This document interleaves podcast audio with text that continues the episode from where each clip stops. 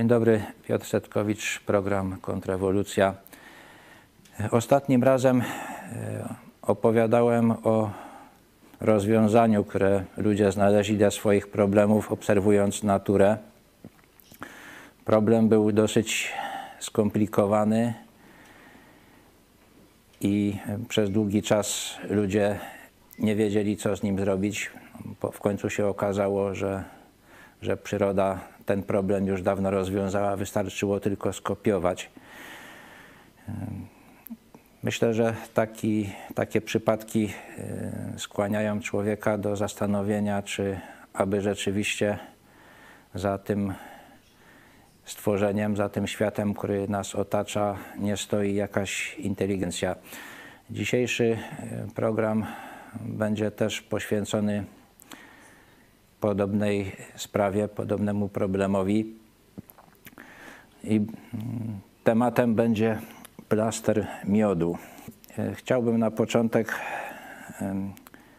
odczytać to, co na temat plastra miodu miał do powiedzenia Karol Darwin, bo widać, że także dla niego, kiedy swoją teorię formułował i przedstawiał światu, był to pewien problem i sam to przyznawał. Otóż napisał tak. Tylko ograniczony człowiek może bez entuzjazmu badać budowę plastrów miodu, tak znakomicie przystosowanych do swego celu. Słyszymy od matematyków, że pszczoły praktycznie rozwiązały zawikłane matematyczne zagadnienie i nadały komórkom formę, która zmieścić może największą ilość miodu przy możliwie najmniejszym wydatku tak drogocennego materiału budowlanego, jakim jest wosk dla pszczoły. Zauważono, że zręcznemu robotnikowi zaopatrzonemu w odpowiednie miary i narzędzia byłoby bardzo trudno zrobić komórki woskowe należytego kształtu, tak jakie robi gromada pszczół w ciemnym ulu. Jakikolwiek instynkt byśmy zachcieli przyjąć, zawsze początkowo wyda nam się zupełnie niezrozumiałe, w jaki sposób mogą one wykonać wszystkie konieczne kąty i płaszczyzny lub nawet rozpoznać, czy są należycie wykonane. Darwin stwierdza, że y, plaster miodu jest czymś, czymś niezwykłym. I chciałbym na, na początek powiedzieć, na czym y, polega jego niezwykłość. Y, stwierdził też, że oszczędność wosku jest dla pszczół rzeczą podstawowej wagi. No i zacznę, zacznę, właśnie od tego. Jeżeli byśmy potraktowali plaster miodu jak przedsiębiorstwo, a myślę, że tak e, można, je, można ten plaster miodu traktować, to rzeczywiście zobaczymy, że, że oszczędność wosku to jest dla, dla ula no, kwestia zupełnie podstawowa.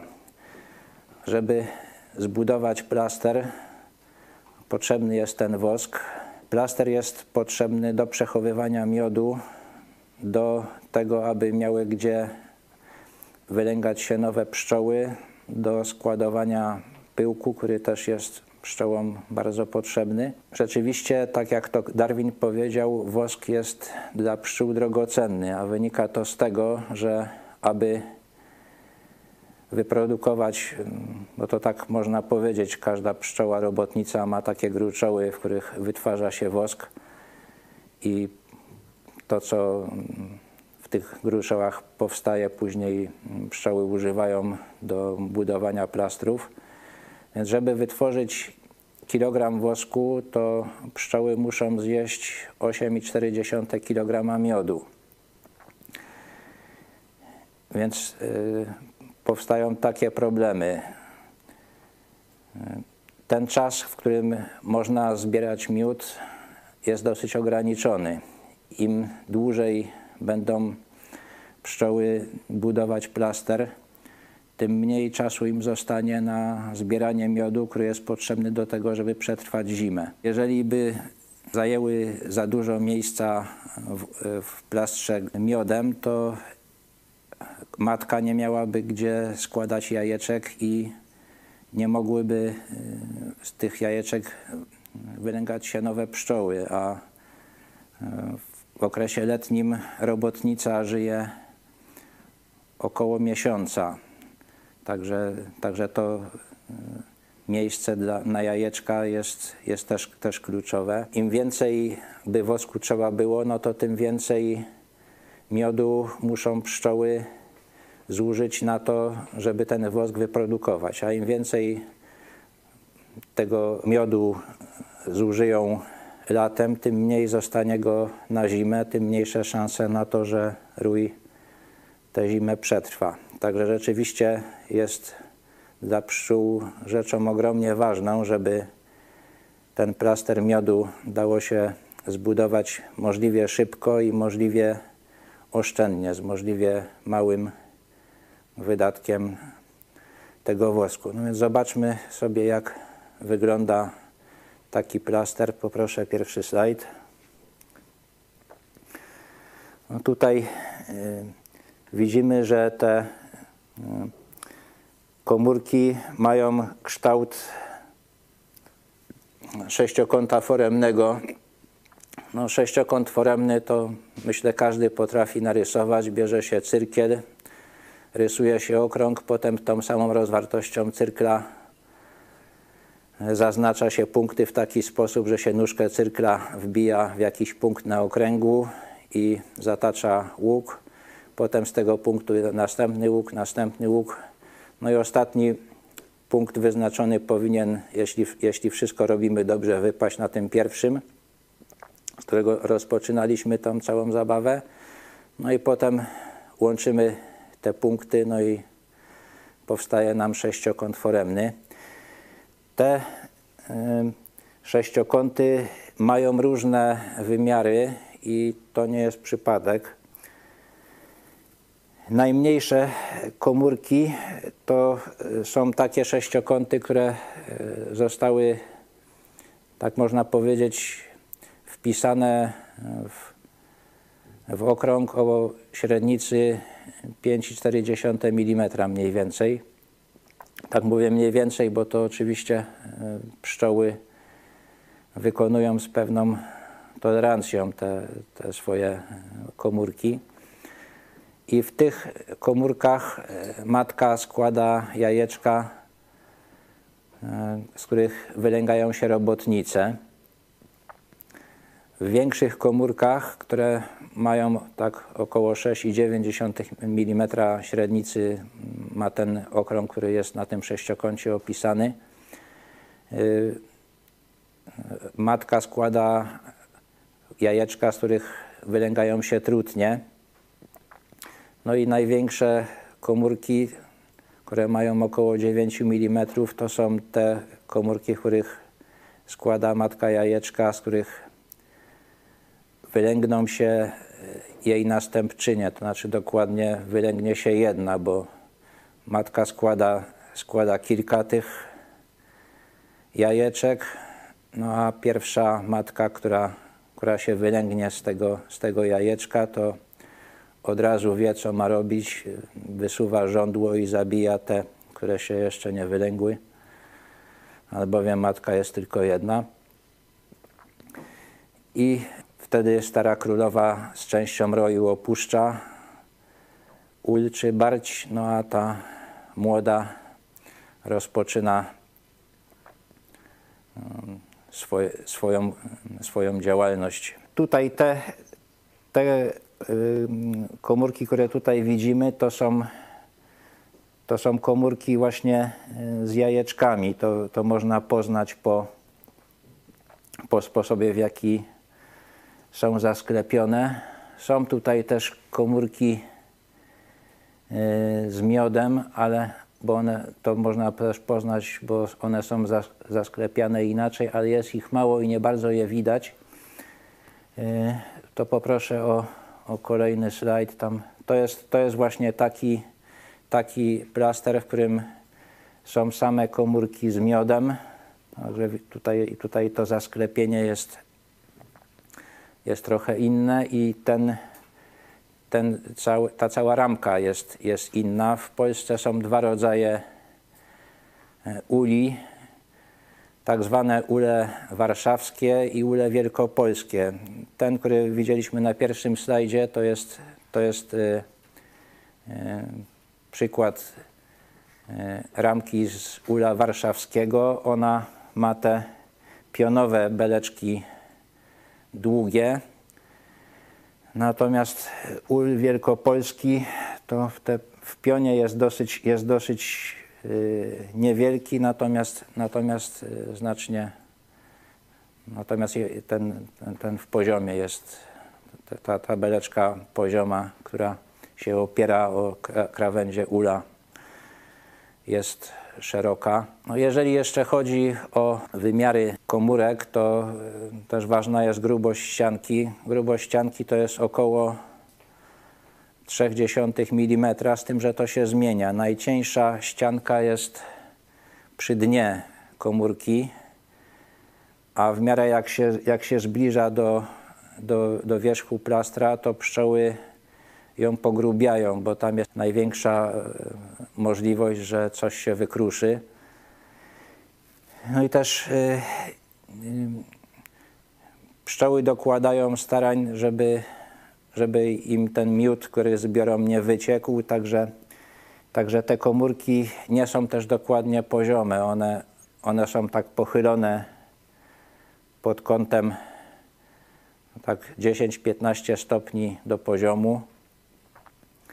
Także miód z nich nie wycieka, kiedy zaczynają go składać, no a potem w miarę jak się komórka zapełnia, to one ją zasklepiają i kiedy pszczelarz chce miód pszczołom zabrać, no to, no to najpierw takim widelcem zdziera to zasklepienie, wstawia tą, tą ramkę do wirówki, no i odwirowuje. Zwykle pszczoły y, budują plaster w taki sposób, że zaczynają od góry i y, kontynuują w dół. To tutaj widać takie kolejne stadia budowy tego plastra. No on początkowo jest, jest pusty. Tutaj już widać, że, że jakiś miód w nim jest i już zasklepiają te komórki zapełnione miodem. No aż już jest zapełniony prawie całkowicie, z tym, że to też nie jest, e, nie jest tak zupełnie, zupełnie niewzruszoną regułą. Właśnie no tutaj widzimy taki przykład. Jak trzeba, to, to pszczoły są w stanie budować od dołu do góry. No tutaj stwierdziły, że, że już w tych plastrach, które są w ramkach, to nie ma miejsca, no to dobudowały sobie, no, e, jak, już, jak już jest zapełniony ul, no to, no to jeszcze pszczelarz może zrobić tak, zwa, tak zwaną nadstawkę i tam umieścić takie, takie ramki. No tutaj pszczelarz nie zdążył, to widać, że pszczoły sobie poradziły i bez tego. One, one nie potrzebują tej ramki, e, żeby, żeby budować plastry, jak, jak trzeba, to sobie potrafią poradzić bez niej. No tylko, że oczywiście im to zajmuje więcej czasu. No tutaj też widzimy, że nawet nie potrzebują ula. Tutaj na drzewie zrobiły. Widać, że zrobiły niedawno, bo, bo ten wosk jest jeszcze biały. On w miarę jak mija czas, to ciemnieje, aż w końcu robi się e, całkiem czarny.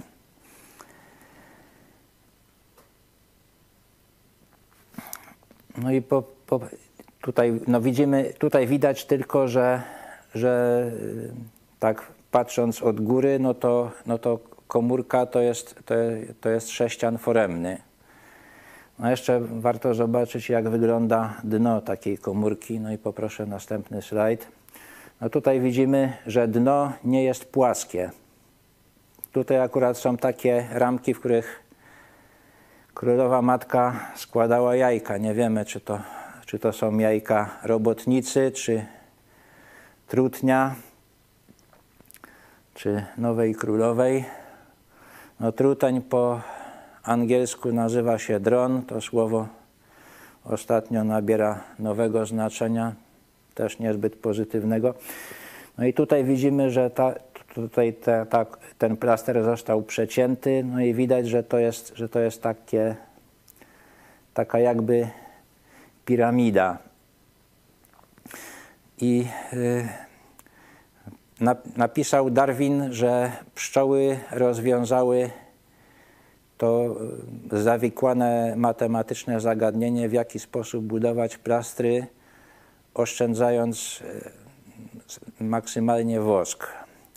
Wtedy, kiedy, kiedy on to pisał, to jeszcze nie było to pewne, ale Darwin uznał, że rzeczywiście nie ma się e, co spierać, bo ludzie, którzy, którzy się pszczołom lepiej przyglądali, to mieli od dawna takie, takie przeczucie. Pierwszym badaczem, o którym wiemy, który wysunął, wysunął tą hipotezę plastra miodu, to był Marek Terencjusz Waro, uczony rzymski i z tego co wiemy, on tę hipotezę wysunął w roku 36 przed narodzeniem Chrystusa. I później różni matematycy w ciągu wieków y, rozmyślali nad tą, nad tą hipotezą. No i jak to matematycy chcieli przeprowadzić matematyczny dowód y, prawdziwości tego, tego twierdzenia, no bądź je odrzucić. Okazało się, że nie jest to takie łatwe i, no i przez wieki matematycy się głowili nad tym zagadnieniem, ale bez rezultatu. No w zasadzie wszyscy mieli, mieli to przeczucie, że te pszczoły to wiedzą, co robią i y, ta y, forma sześciokąta jest y, najbardziej oszczędna, bo to z matematycznego punktu widzenia to zagadnienie to się, to się przedstawia w taki sposób, że mamy jakąś powierzchnię, którą chcemy pokryć figurami o ustalonej powierzchni, ale możemy zmieniać jej kształt. I, jaki, I zadanie polega na tym, że trzeba znaleźć taki kształt, przy którym suma obwodów tych y, elementów, tych figur, które pokrywają powierzchnię, będzie najmniejsza, ponieważ no ta, ta suma obwodów decyduje o y, ilości wosku, która jest potrzebna do tego, żeby, żeby wykonać plaster, no, bo już wysokość plastra to wynika z innych względów, to też, też pszczoły inną głębokość czy, czy inną, inną jedną wysokość ścianki stosują, jeżeli chodzi o komórki jajowe, inną, jeżeli chodzi o komórki z pyłkiem czy z miodem. To jest inna sprawa, no ale, ale kluczowy jest ten obwód. No i rozwiązanie dopiero e, znaleziono stosunkowo niedawno bo dopiero w roku 1999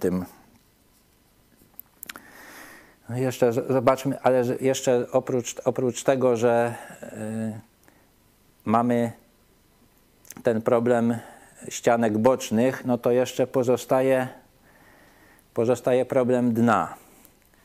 I tutaj też y, Także jest, jest takie zagadnienie dwuwymiarowe, znaleźć, znaleźć figurę płaską, która pokryje daną powierzchnię w taki sposób, żeby suma obwodów wszystkich elementów była najmniejsza i zagadnienie przestrzenne, znaleźć taką bryłę, która wydzieli daną przestrzeń w taki sposób, że suma powierzchni wszystkich tych komórek będzie najmniejsza. No i tutaj widzimy, jak to, jak to jest y, ułożone. No, tutaj, tutaj widać, widać że, że ten plaster jest, jest dwustronny, bo on rzeczywiście jest zawsze, zawsze dwie, na dwie strony pszczoły y, budują te komórki. No i widać, widać tutaj, że pod tą komórką, która jest otwarta w naszą stronę, widać ścianki trzech komórek.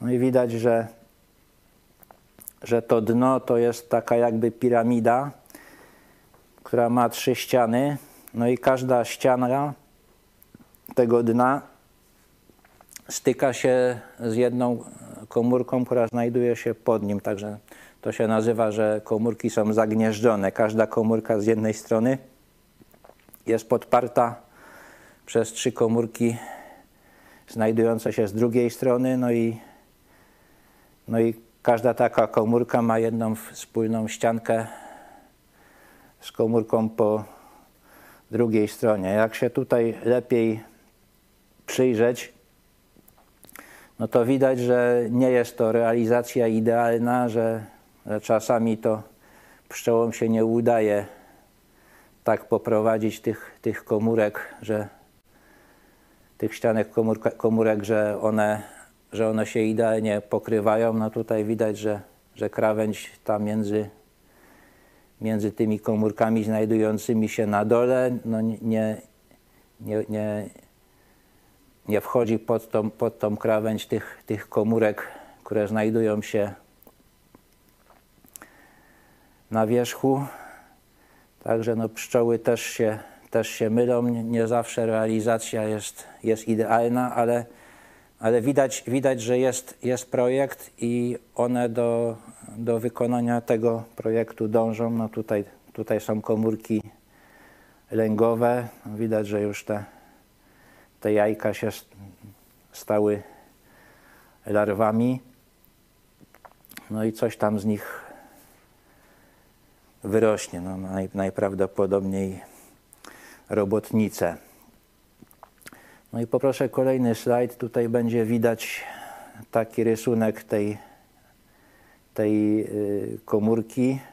No to tutaj to jest, to jest ta, ta, ta ściana, której na początku nie ma, bo, bo przez, przez tą ścianę albo się wkłada wosk, albo się wkłada miód, albo się wkłada pyłek, albo, albo matka e, wchodzi i, i składa jajeczko i dopiero potem się ją zasklepia. No tutaj są te ściany boczne, a tutaj są, e, są te, te ścianki, które tworzą dno. No i może jeszcze, żeby, żeby to lepiej sobie wyobrazić, to zobaczmy, jak to wygląda na filmie. No tutaj to, to zielone to jest to są ściany boczne. No a tutaj, tutaj ten, ten czerwony, ta czerwona bryła, no to jest dno. Oczywiście, oczywiście w komórce to, to zostają tylko, e, są tylko, tylko te, te ścianki, które widać, tego, tego co, co jest dalej, to nie ma. No, no i to jest y, też takie coś, co może się, może się wydawać sprzeczne z intuicją, że taka, taka forma jest znacznie oszczędniejsza niż gdyby dno było płaskie. Właśnie to, to też się matematycy zastanawiali, czy, czy to jest optymalne rozwiązanie. Na pewno, na pewno taka, taka forma jest znacznie lepsza niż niż y, y, forma z płaskim dnem. No ale się jeszcze, jeszcze właśnie nie było, nie było dowodów na to, że, że ona jest rzeczywiście najlepsza, to też no, zależy i, i bo tutaj wchodzi w to i, i czy najlepsza jest forma, bo i, i czy najlepsze są, najlepsze są kąty, bo to tutaj Zależy, zależy też wykorzystanie tej, tej powierzchni w stosunku do objętości, którą, którą w sobie zawiera od, od nachylenia tych, tych trzech rąbów tworzących to, to dno.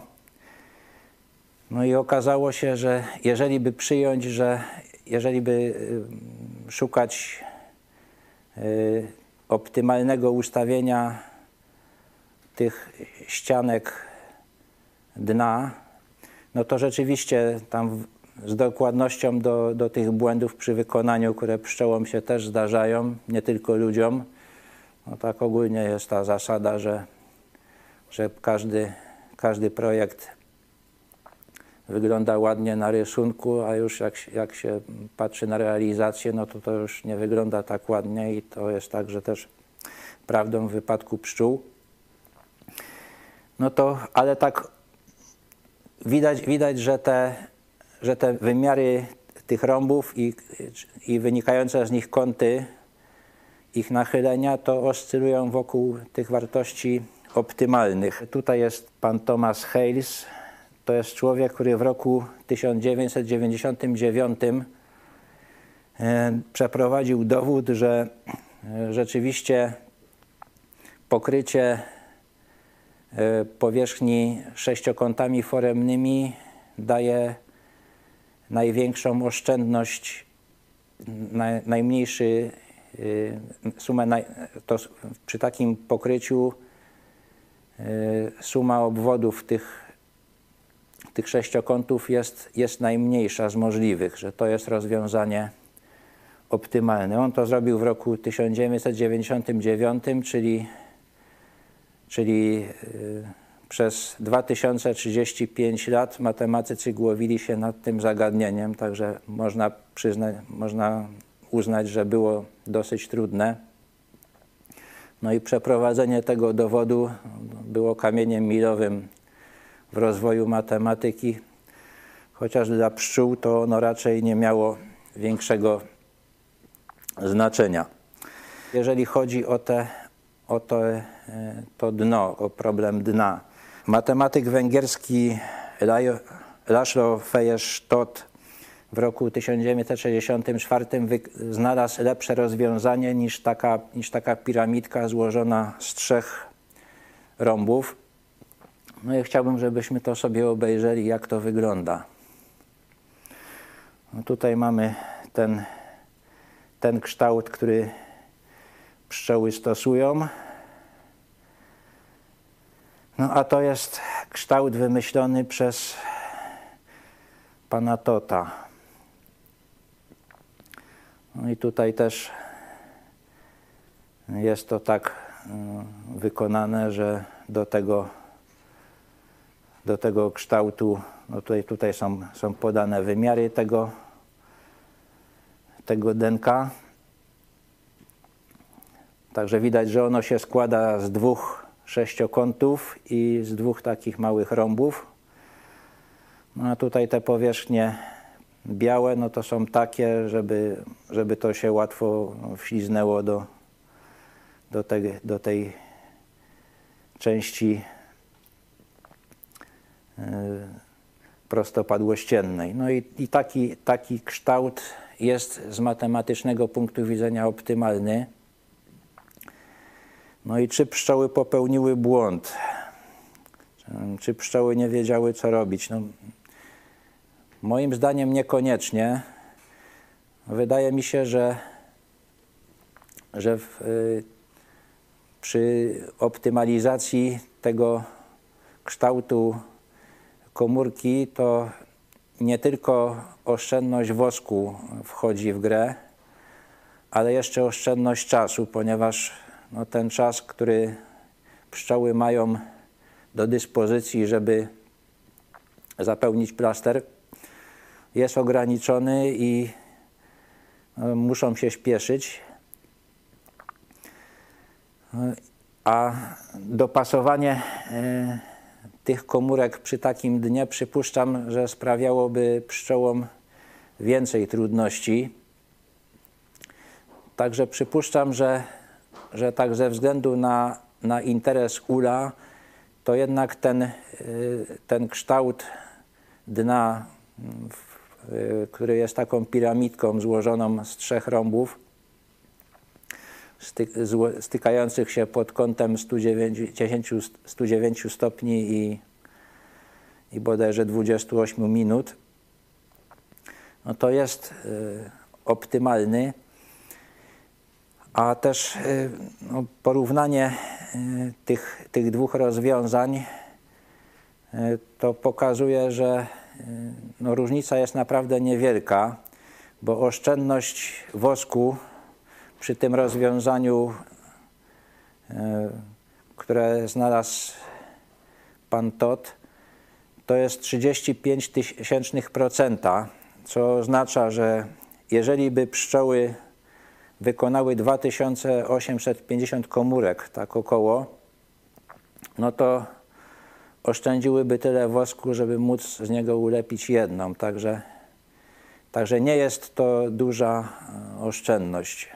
No, można sobie to darować. No, no myślę, że ten, że ten kształt rzeczywiście sprawia pewne trudności, że jednak dużo łatwiej jest dopasować takie dno, w którym mm, trzeba dopasować trzy komórki na jednakowej powierzchni, a, a dopasowanie takiego dna, gdzie, są dwie powierzchnie inne i dwie powierzchnie inne, no, byłoby jednak dużo trudniejsze i zapewnia i pszczoły zapewne więcej czasu by na to, e, złoży, na to musiały zużyć.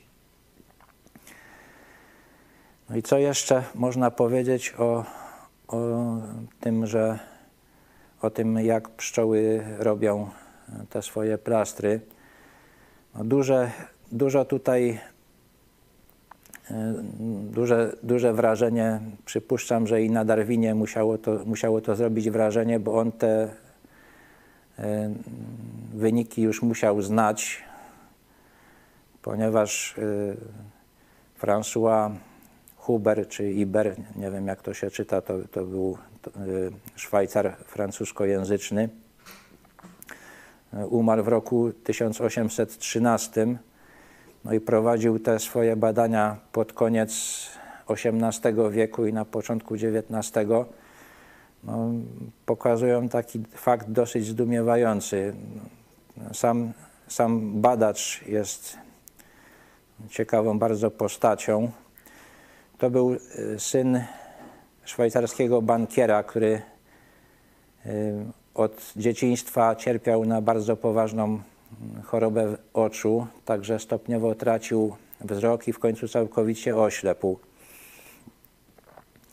Ojciec stwierdził, że nie można mu przepisać majątku, cały majątek przepisał na siostrę, która się nim opiekowała. No a on stanął przed takim problemem, co zrobić ze swoim życiem i postanowił, że będzie badał pszczoły. Rozwiązał to w taki sposób, że on no, proponował różne, różne eksperymenty, interpretował wyniki, no i miał takich asystentów, którzy mu mówili, co widzą. I takim bardzo y, robiącym na mnie duże wrażenie wynikiem tych badań to było badanie, które polegało na tym, że wstawiał y, y, ramkę z, z pszczołami do szklanego pojemnika, także można było widać, co te pszczoły robią i ustawiał pod różnym kątem te, ten pojemnik. No i patrzył, jak, jak pszczoły y, będą sobie radzić w takich sytuacjach.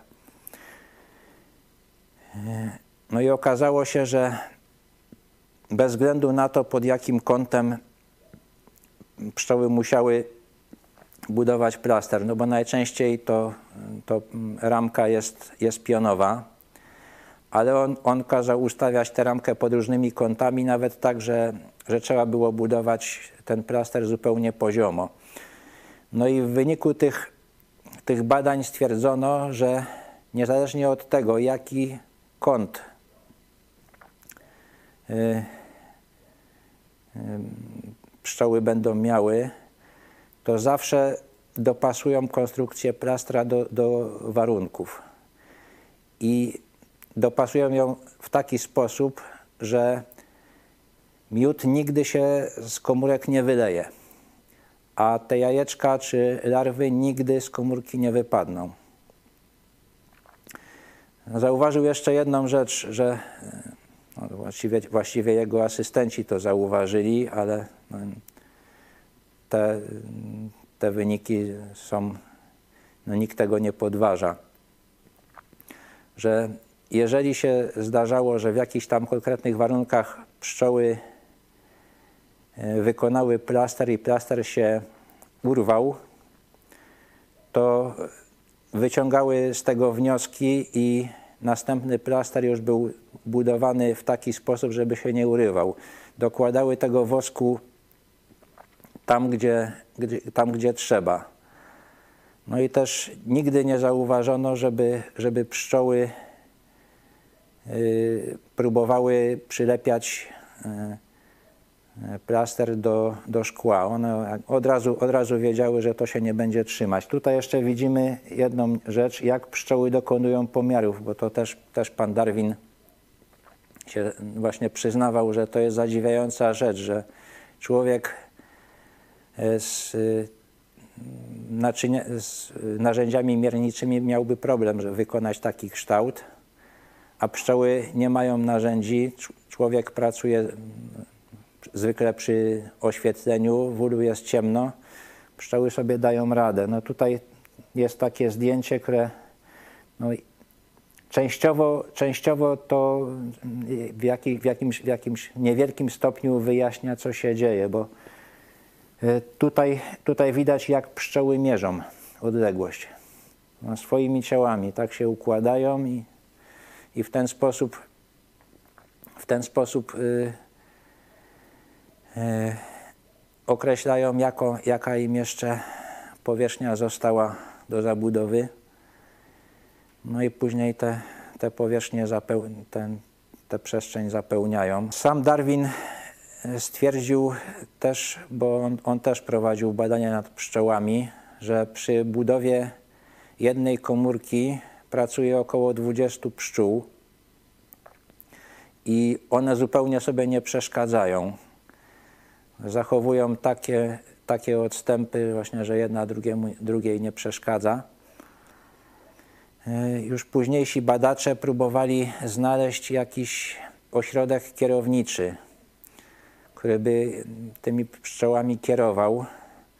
Szukali, szukali i stwierdzili, że żadnego ośrodka kierowniczego nie ma. Także jest to kolejna zadziwiająca rzecz, która, która budzi, moim zdaniem, przynajmniej powinna budzić zastanowienie.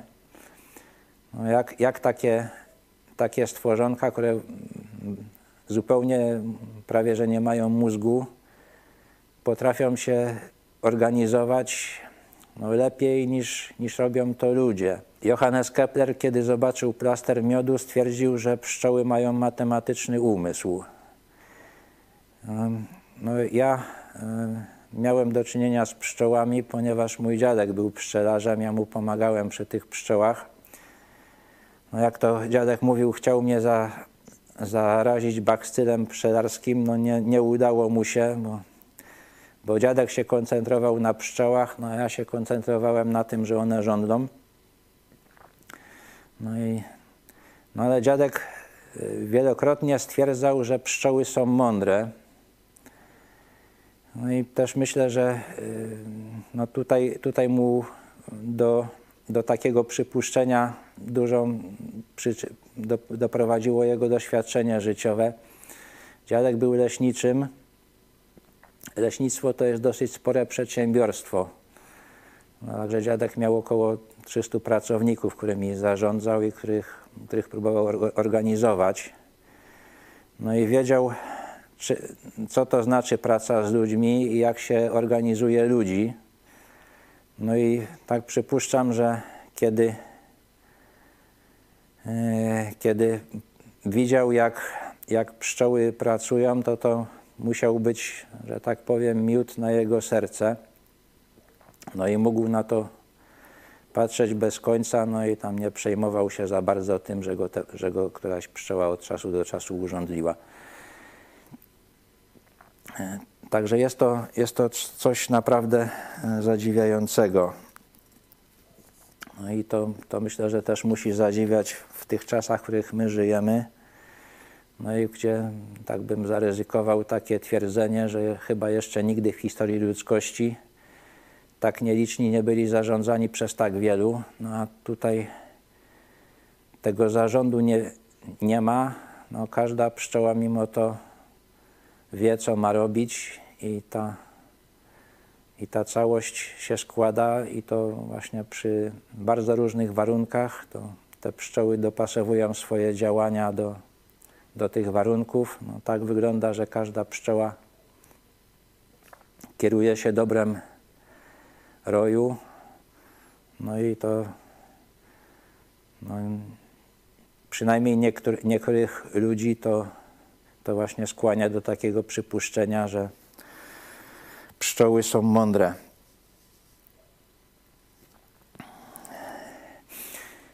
No i, no, różne takie, takie rozwiązania e, z natury ludzie, ludzie zaczynają przenosić do, do swojego życia. No i tak też jest e, z plastrem miodu. No i teraz właśnie chciałbym trochę pokazać, jak to, jak, jak to w naszym życiu codziennym e, wygląda. No, takie matematycy powiadają, że, że jeżeli dochodzą do, do rozwiązania jakiegoś problemu, to takim znakiem że, że znajdują to rozwiązanie, to jest jego piękno. No i ten, ten problem właśnie znalezienia e, kształtu, który e, zapewni minimalny obwód przy podziale jakiejś powierzchni, to, no to rzeczywiście jest ładny. No i w różnych zastosowaniach jest stosowany. No tutaj są sześciokątne kafelki na ścianie. Poproszę następny slajd. Tutaj są sześciokątne kafelki i na ścianie, i na podłodze. Proszę następny. No tutaj jest taki, taki abażur z, z motywem plastra miodu jako, jako tym motywem przewodnim. No poproszę następny slajd. No tutaj mamy dywan też ozdobiony tym wzorem plastra miodu, też dosyć ładny. No i, no i taka firanka, tutaj też, też to może nie za dobrze widać, ale,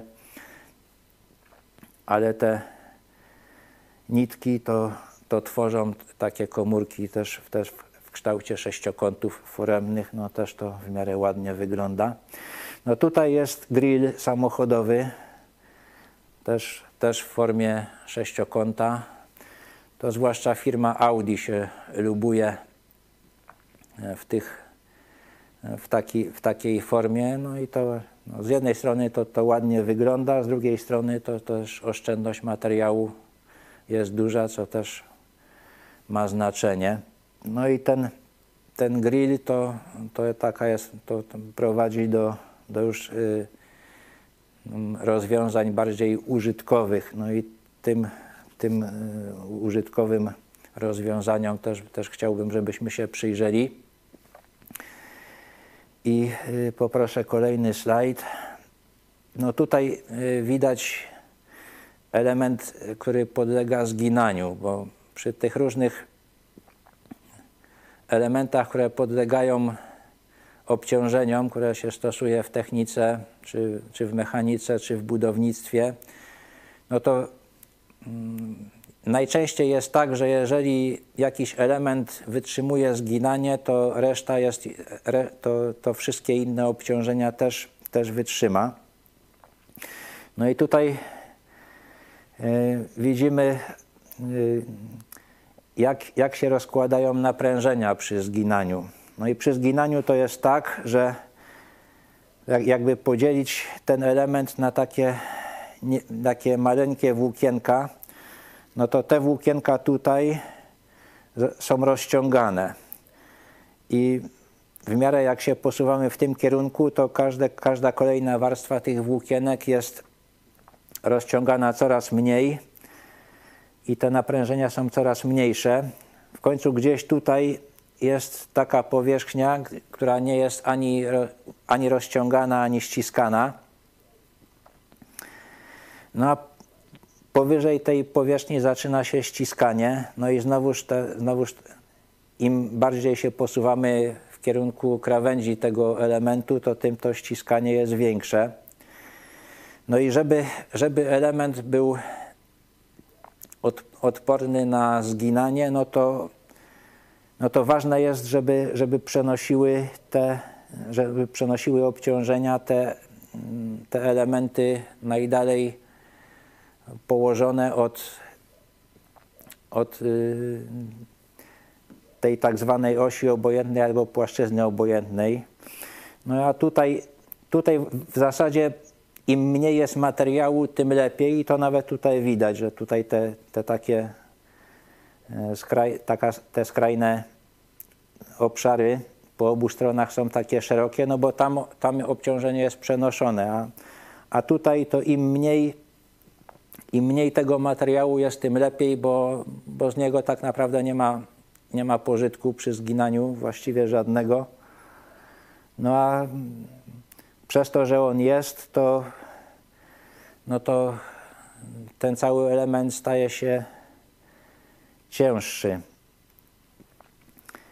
Także no najlepiej, najlepiej żeby, tego, żeby tego w środku w ogóle nie było i to się daje osiągnąć, jeżeli jest jakiś element kołowy o, lub, lub w formie jakiejś obrotowej. To, to na przykład można pokazać na tym, że jest tutaj taka taka butelka, która ma bardzo cienkie ścianki, ale te ścianki no, w znacznej mierze są, są położone daleko od tego przekroju obojętnego, który gdzieś tutaj prze, będzie przebiegał. No i żeby, żeby to zgiąć, no to, no to trochę się trzeba wysilić, a już jak się zgina nawet, to tutaj widać, że, że on się zgina z tego powodu, że, że tutaj nastąpiło coś takiego, co się uczenie nazywa wyboczeniem albo utratą stateczności, czyli ten, tutaj ten obszar przestał, przestał tworzyć yy, tak, taką formę obrotową. Tutaj wszędzie, wszędzie jest, jest jest mniej więcej ta sama odległość od, od osi obrotu, a tutaj, tutaj to, to wpadło. Także mm, no taka, taka forma y, jest stosowana przez ludzi, na przykład konstrukcje z rur, no bo, no bo rura ma materiał tylko, tylko właśnie, że tak powiem, na, na, na swoim wierzchu, no i obciążenie ładnie Y, przenosi, a, a w środku tego materiału nie ma, więc jest stosunkowo lekka w porównaniu z takim pełnym prętem. No a może być bardziej wytrzymała niż taki pełny pręt. I też w przyrodzie coś takiego zauważamy bardzo często. No takim standardowym przykładem to jest zboże. Jak, jak zobaczymy słomę, no to widać, że, że ona jest pusta w środku, to jest też taka jakby rura. No i te, te powierzchnie skrajne przejmują obciążenie, a, a w środku nie ma nic i to zboże jest lekkie. No i też jak się, jak się, jak się zwróci uwagę na to, jaka jest średnica tej, tej słomy zbożowej, i porówna się ją z wysokością, to można przyjść do wniosku, że, że wszyscy projektanci wieżowców to powinni zdjąć kapelusze przed tym, który zboże zaprojektował, bo, bo to, się, to się nie łamie, to, to wytrzymuje obciążenia wiatrem, a, a ta, ten, no żaden, żaden wieżowiec to, to do, tego, do tego stosunku średnicy do wysokości nie, nie sięga. No oczywiście też żaden wieżowiec tak się nie, nie buja jak, jak zboże, ale, ale wytrzymałość yy, zboża na, na obciążenia jest, jest naprawdę godna uwagi. No inne takie rozwiązanie to są nasze kości. To też jest podobna sytuacja, że ta tkanka kostna jest, jest na obwodzie rozmieszczona, a w środku no to albo mamy szpik, no, jeżeli, jeżeli chodzi o nas, czy w ogóle o, o, o takie zwierzęta chodzące po ziemi. Na wypadku ptaków to, to tam w środku nic nie ma najczęściej, no bo ptak lata, więc musi być lekki. I to właśnie no, ta forma jest, jest bardzo, właśnie ta, ta forma pusta w środku, no, to, jest, to jest taka forma, do której się dąży w projektowaniu mm, różnych urządzeń i różnych budowli dla oszczędności materiału i dla różnych innych rzeczy. No i się okazuje, że, że właśnie w przyrodzie też to rozwiązanie co krok można, można odkryć. No jeszcze, jeszcze co, co widać tutaj przy, przy tej butelce, no właśnie ona się, ona się tak zgina, wyboczyła się, także już no, nawet, nawet z tego względu, by, żeby, żeby ona przenosiła większe obciążenie, to dobrze by było, żeby jednak jakieś wypełnienie w niej było, bo wtedy, bo wtedy to będzie utrzymywać e, tą odległość tej, tej warstwy, która przenosi obciążenia przy zginaniu e, i, i będzie zapobiegać wyboczeniom. A już w takiej sytuacji, gdy, gdzie mamy dwie powierzchnie, które mają przenosić obciążenie, obciążenie zginaniem, to, to to już jest w ogóle wypełnienie, to jest, to jest podstawa. No i poproszę o kolejny slajd. Tutaj widać takim, takim sztandarowym przykładem e, tego zastosowania e, wypełnienia typu plaster miodu to jest tektura. To jest tektura konwencjonalna, ona nie ma wypełnienia w postaci plastra miodu tylko wypełnienie faliste. Jest to ta, tak zwana tektura falista najczęściej spotykana. Ale poza, poza tą, tą tekturą falistą stosuje się też tekturę z wypełni wypełnieniem w postaci plastra miodu. No i poproszę kolejny slajd. No tutaj no widać jak to, jak to wygląda. Są te dwie dwie, dwie powierzchnie, dwa arkusze papieru. No między nimi jest, jest takie wypełnienie w postaci właśnie tego plastra miodu, czy właściwie no tylko, tylko tej, tej części prostopadłościennej. No i ono właśnie zapewnia to, że, że te że te arkusze górny i dolny będą cały czas w odpowiedniej odległości od siebie. No i zobaczmy jeszcze, jak to wygląda. No tutaj, tutaj właśnie widać tą tekturę w postaci plastra miodu, z, z wypełnieniem w postaci plastra miodu. No i ona jest znacznie bardziej wytrzymała na zginanie, znacznie sztywniejsza, także stosuje się ją coraz częściej. No kolejną jej zaletą jest właśnie to, że ona jest lekka, no bo to wypełnienie w postaci plastra miodu, no to, jest, no to zapewnia to, że zużyje się na to najmniej papieru, jak to jest tylko możliwe. E, także to też ma znaczenie, bo, bo tektura to głównie służy do opakowania czegoś. No jak się to, co jest zapakowane, rozpakuje, no to pozostaje problem, co zrobić z opakowaniem. No i mniej, im mniej tego, tego opakowania będzie, no to tym lepiej dla, dla odbiorcy. No i jeszcze jest pytanie, takie można by się zapytać, y, jak ta, jak ta y, tektura jest odporna na obciążenie, które by działało no, w taki sposób. No i tutaj też, też to e, wypełnienie w postaci plastra miodu okazuje się zadziwiająco odporne. No i to znowu no, posłużę się tą moją butelką. No nie jest tak łatwo ją zgiąć. Jest jakby no, no zrobić, zrobić z niej, niej yy, no, no, spłaszczyć ją, obciążając w ten sposób, to, to trzeba by się posłużyć nogą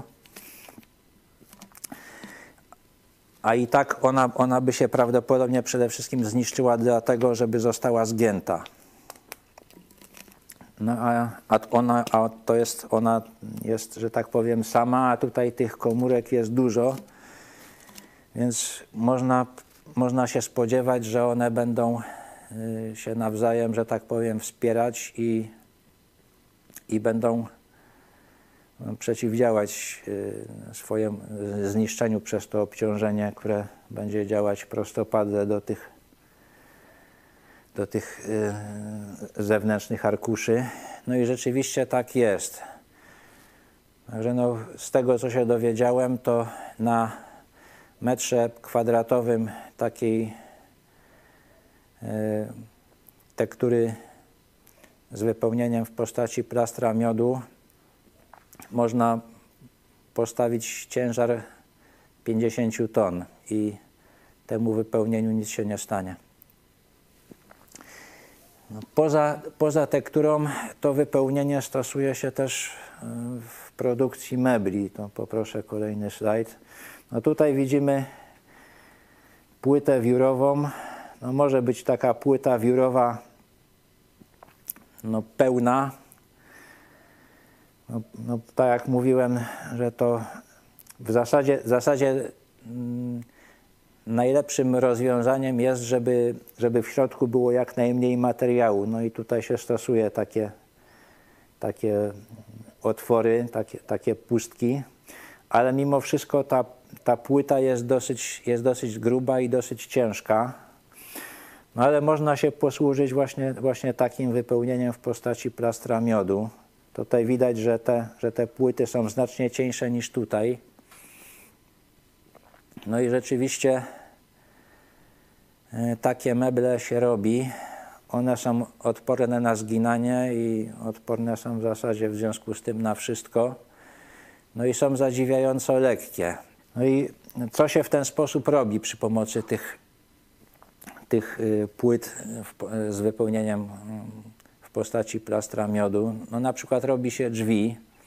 Te drzwi są bardzo lekkie, bardzo sztywne co prawda mają pewną wadę, one nie tłumią dźwięku, także jeżeli, jeżeli na zewnątrz jest hałas, albo jeżeli zakładając teoretycznie coś się u nas dzieje takiego, o czym byśmy nie chcieli, żeby sąsiedzi wiedzieli, no to, no to takie drzwi w postaci plastra miodu to nie są jednak najlepszym rozwiązaniem. No ale poza, poza tym, że, że właśnie nie tłumią dźwięku, no to mają sporo zalet. I tam, gdzie, gdzie ten wzgląd na, na spokojny sen czy na prywatność nie, nie zachodzi, no to, no to można je stosować. No robi się też różne inne materiały, różne meble właśnie z tych, z tych płyt. No i one są bardzo lekkie. No na razie się kiepsko sprzedają. No też jak sądzę, wynika to z czegoś takiego, że no, że no takie, takie meble, które żona może przesuwać sama, no to, no to może, może nie, nie, każdy, nie każdy mąż chce kupować, no zwłaszcza jeżeli ta żona i, tak dla niego nie ma zbyt wielkiego szacunku. Ale, ale to, to rzeczywiście są, są meble bardzo, bardzo wytrzymałe, bardzo no i jak, jak mówiłem, bardzo lekkie. No i jeżeli jeszcze chodzi o te rozwiązania, to jest e, takie ostatnie rozwiązanie, o którym chciałem powiedzieć, to są pancerze czołgowe. Przy czym no tutaj jest, jest ta sprawa, że no jedni, jedni to, to co, o czym chcę powiedzieć, potwierdzają, inni mówią, że to sprawa ma się trochę inaczej. E, ale e, no, wydaje mi się, że, że jest to całkiem możliwe i chciałbym o tym powiedzieć. No, z czego wynika ten problem? Otóż e, w czasie II wojny światowej najpierw Niemcy, a potem inne wojujące strony zaczęły używać pocisków kumulacyjnych. No i mm, jak działa taki pocisk? On ma, tutaj jest, tutaj jest materiał wybuchowy, a tutaj jest taki jakby kieliszek. Najczęściej on jest robiony z, z miedzi, no czasami z cienkiej stali.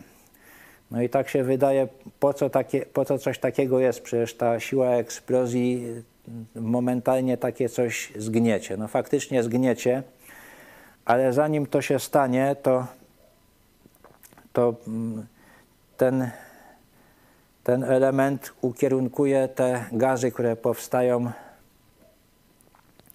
e, przy wybuchu i rozpędzi je. Także powstaje taka wiązka, która, wiązka tych gazów, które są produktem wybuchu, czyli bardzo szybkiego spalania materiału wybuchowego. Najczęściej jest to trotyl albo, albo mieszanina trotylu z czymś tam.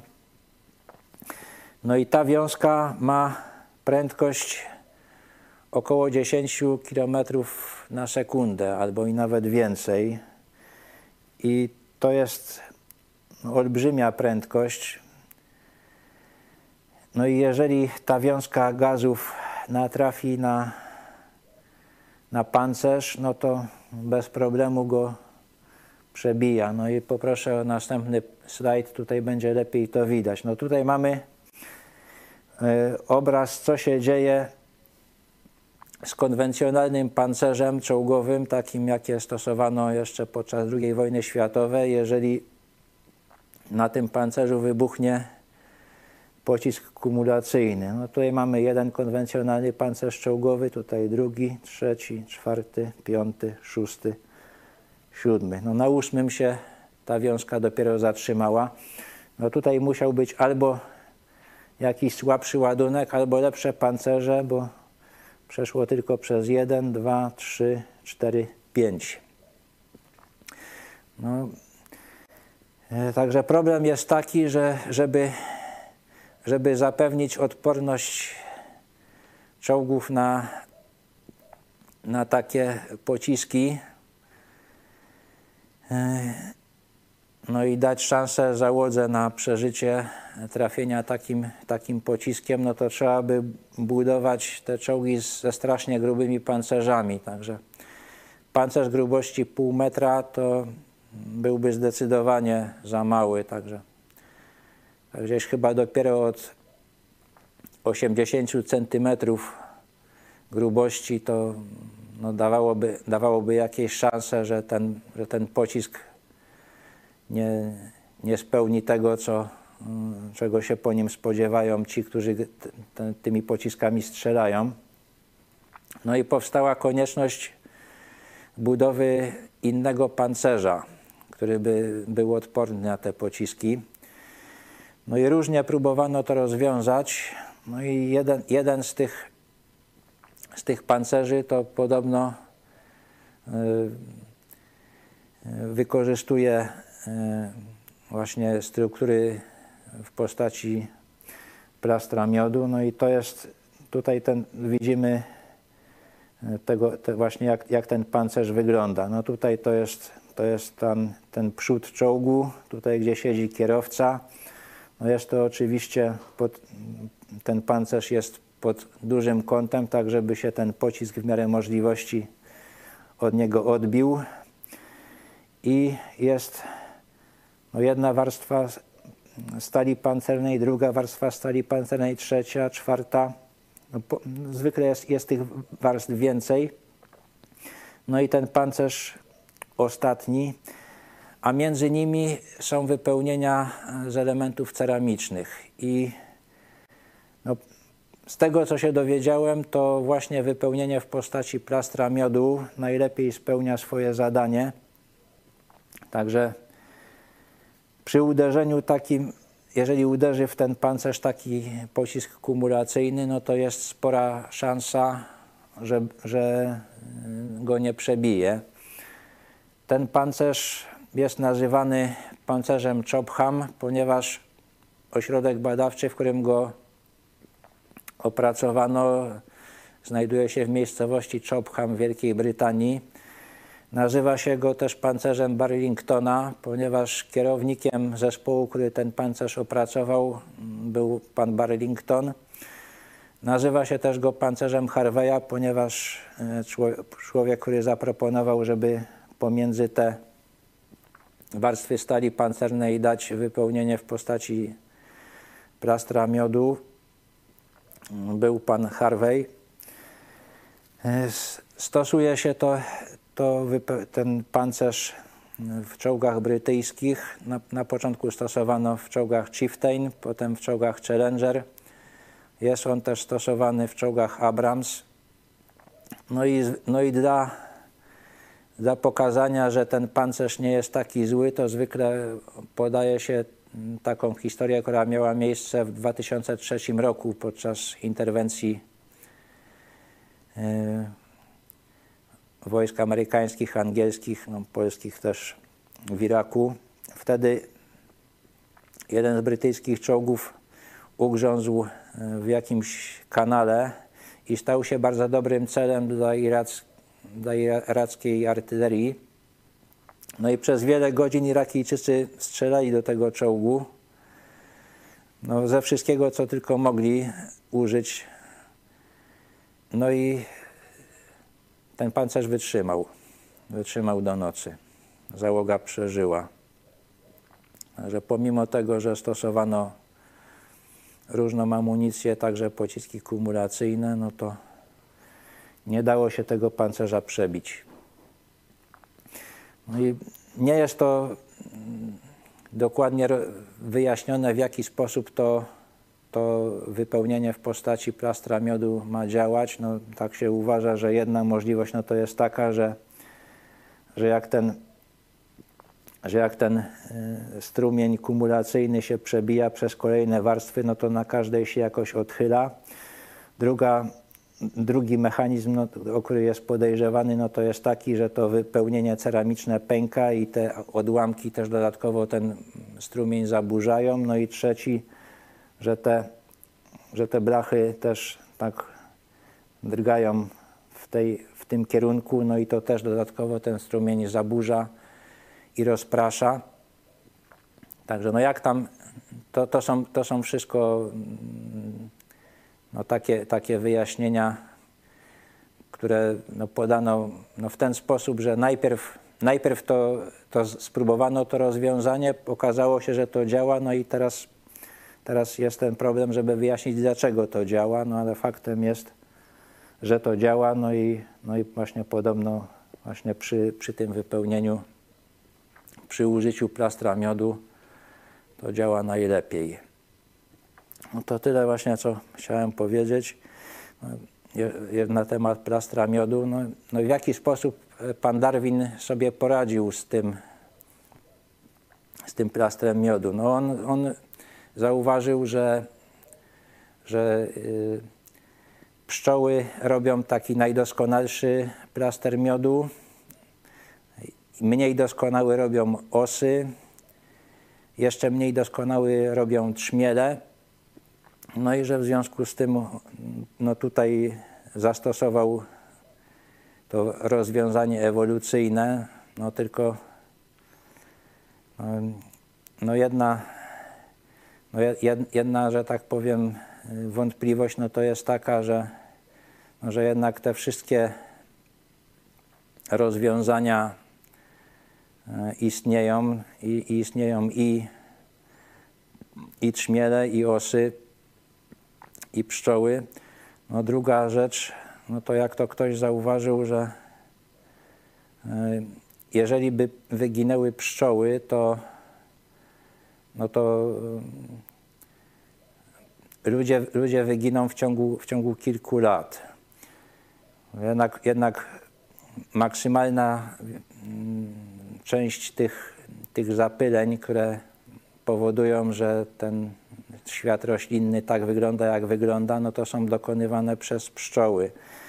No i tutaj się pojawia ten problem, no jak to, jak to jest, że no, pszczoły się uczyły budować e, te, te plastry, doskonaliły się w tym, no a jednocześnie te rośliny, które muszą być zapylane przez pszczoły, dawały sobie radę. No, czy one jak, jak, jakoś też ewolu, ewoluowały, że, że sobie dawały radę bez pszczół i akurat tak się złożyło, że w tym momencie, kiedy pszczoły już nauczyły się budować plaster miodu w, w optymalnej formie i miały najwięcej czasu na zapylanie, no to one się też mm, przystosowały do zapylania przez pszczoły.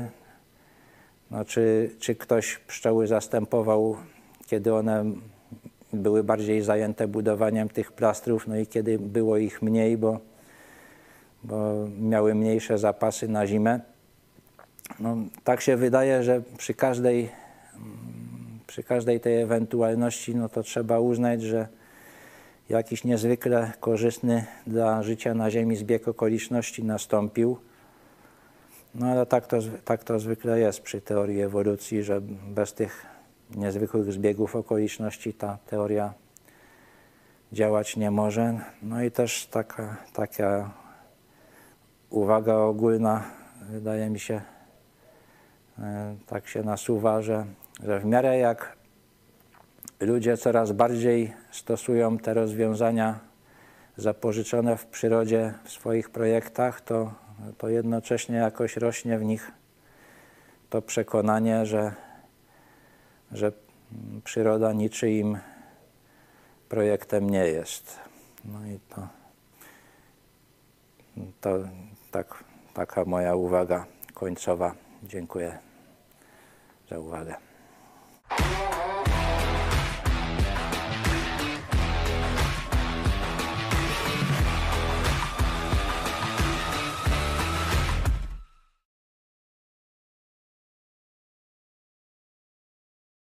Jeśli chcesz, by niezależne od dotacji rządu dziennikarstwo przetrwało i rozwijało się w Polsce, poświęć dosłownie kilka minut na wsparcie telewizji Idź Pod Prąd.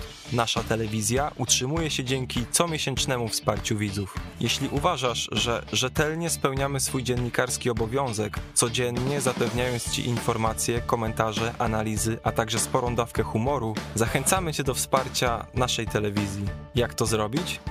Wejdź na stronę idźpodprąd.pl wsparcie. Wybierz cel wpłaty. Możesz jej dokonać przez DotPay, PayPal, Blik lub tradycyjnym przelewem z tytułem darowizna. Gramy i gnamy dalej.